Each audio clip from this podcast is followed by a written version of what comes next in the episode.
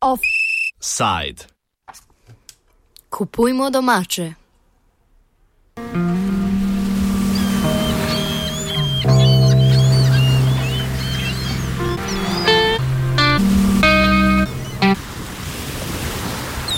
Zadnja serija avgustovskih offsajdov poskuša zajeti kar se da širši spektr problematik, s katerimi se spopada Ukrajina. Včerajšnja oddaja, ki je dostopna na spletni strani, se je ukvarjala s stanjem na bojiščih jugovzhodne Ukrajine, danes pa bomo pogledali v svet privatizacije in liberalnih reform, ki so sledile tako imenovanemu Euromajdnu, ki je pomenil konec vladavine predsednika Viktorja Janukoviča. Po spremembi oblasti je na čelo prišel še aktualni predsednik Petro Porošenko, v času njegovega mandata pa je 42 milijonska država stopila na pot pospešene razprodaje resursov v zameno za finančno pomoč Zahoda, primarno mednarodnega denarnega sklada, krajše MDS, ki pa v Ukrajini že eno leto ni posodil denarja, ker naj ta ne bi spojnevala obveznosti. Stališča MDS-ja opiše John Weeks, ekonomist z Univerze v Londonu. They were unrealistic uh, uh, conditions. The uh, uh, fiscal uh, targets, which were set, that is, the budget deficit targets, uh, were could not have uh, uh, been achieved. Uh, and uh, other conditions could not have been achieved. Only question of um, when the IMF was going to suspend its program. Uh, now, uh, if you were cynical, um, you would uh, say that the IMF always knew from the beginning uh, that this was going to be uh, uh, that the Ukrainian government would not meet its um, the requirements set by the IMF, and uh, they never intended, uh, the IMF never intended for it to be a successful program. I think that that's not quite right. I think that the IMF was pressured by uh, the United States and European, Western European governments to make the loans. Uh, I think the IMF didn't really want to. I think that probably the IMF is not too unhappy that uh, it um, uh, ended the program because it, it was never very enthusiastic about going in in the first place. MDS je kot razlog za ustavitev posojil Ukrajini navedel pomankanje antikorupcijskih reform, ki pa v svojem imenu skrivajo nekoliko več. Glavni temelj boja proti korupciji naj bi tako bila privatizacija državnih podjetij, ki bi onemogočala zlorabo. MDS je v Ukrajini sicer prisoten že od osamosvojitve dalje. Njihovo vlogo v preoblikovanju gospodarstva opiše Julija Jurčenko z Univerze v Greenwichu. When IMF um, prescribed privatization uh, with the first loans that started in uh, 1992, first structural adjustment loans. Uh, they have instantly pushed for primarily seven things that have gotten even further entrenched since 1994, and they are stipulated in the uh, in their memorandum on economic policy and strategy. And those things were liberalization of trade, liberalization of exchange rates and fiscal policy, and especially price setting mechanisms reduction of subsidies to population and introduction of individual support system instead of that, uh, speeding up of state-owned enterprise privatization, uh, restructuring of natural monopolies and uh, specified enterprises that were listed in the document, uh, reduction of state deficit, and uh, last but not least, one of the favorite uh, neoliberal things was the deregulation um, and administrative reforms. Here we're talking about minimizing the role of the state as an institution in the everyday functioning of the country, um, as, as, as primarily applied to business, of course. So what we have, we have this push that started in the 90s, but also in Ukraine, which is very, there was a very peculiar uh, uh, constellation of social forces in place already that, that have now emerged as oligarchs, who have used these reforms to accumulate enterprises through which they could instantly make some money. Euromajdan leta 2014 je prinesel upanje, da, bo prišlo, da bodo sprememb prišlo tudi v vrhu gospodarstva, a oligarhi ostajajo.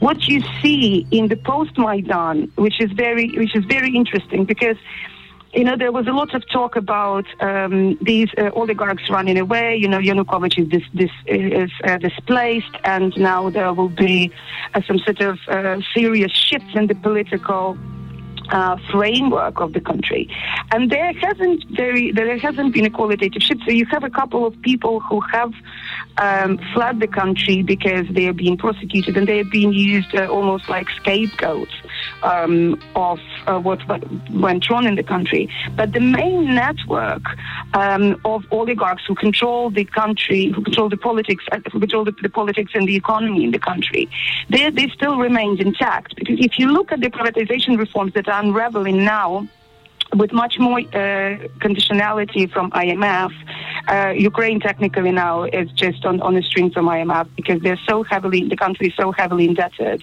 and it's such an economic basket case that they have to um, to dance to every whim uh, of IMF.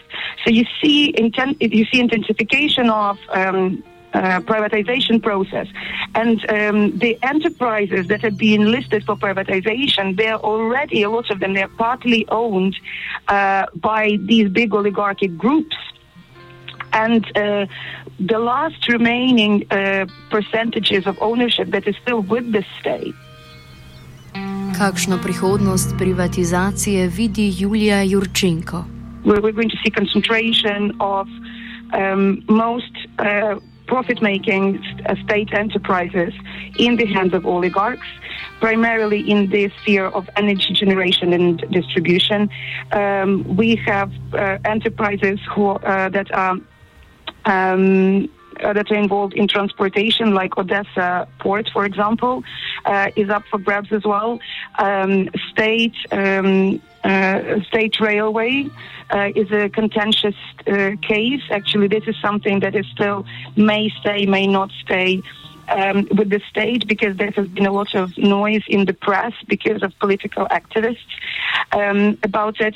But um, otherwise, the state is very. The the economic state and the state of privatization is actually very uh, bad. Um, we're we're not going to see um, much good happening. Uh, with the energy generating enterprises, it's even worse because they now. Um, one of the, one of the biggest IMF conditions is that the uh, tariffs to population um, on uh, energy, like household tariffs, need to go up and they need to correspond uh, to correspond with market prices, uh, and the population cannot afford it. Now, with all of these enterprises becoming private as well and state subsidies being cut, we're going to see even further impoverishment of population uh, that is already over 30% of which is already beyond the poverty line. Povišanje cen energije za navadne prebivalce pomeni še dodaten udarec, posebej v kontekstu visoke brezposelnosti, ki pesti Ukrajino. John Wicks. unemployment is very high. Um, uh, unemployment among uh, uh, young people uh, uh, is quite high. This is uh, a great loss of resources, and what is the process by which that problem will be will be solved? As long as the economy stagnates, of course, the problem's only going to only going to become worse. Of course, in, in Europe, the, the, concern is about people coming in, but uh, the declining economies all over the world tend to lose their skilled people who, uh, and in some cases, uh, people who aren't skilled, but uh, skilled people go elsewhere, trying to find uh, uh, place where they, they can use their skills, and that is a leads to the long-term decline in the capacity of a uh, of a country to uh, recover. It's not a, it's not a terminal problem, but it's a very serious problem in the short and medium term. Ob vsem tem ne gre zanemariti vloge tujih korporacij, kot je Monsanto, agrokemično podjetje, katerega vložek v Ukrajini se je v zadnjih letih povečal.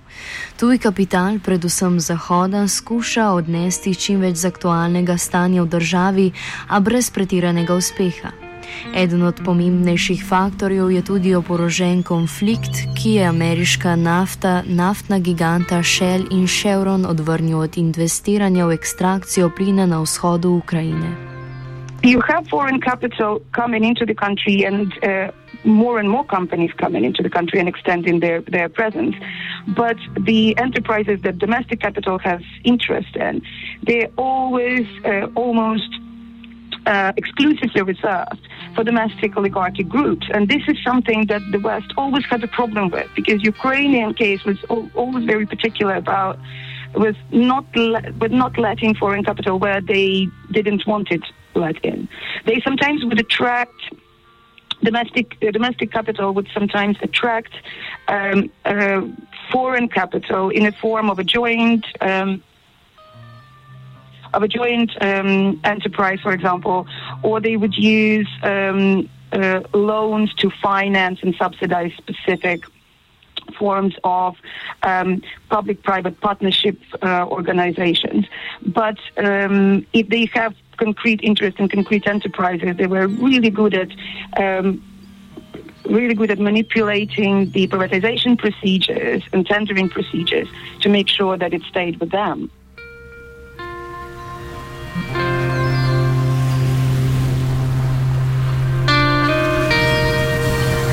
Offside je pripravil Antun.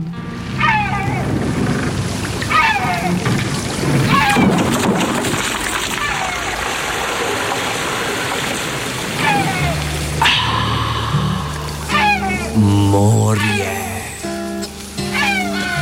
Barva zdrava, klima prava.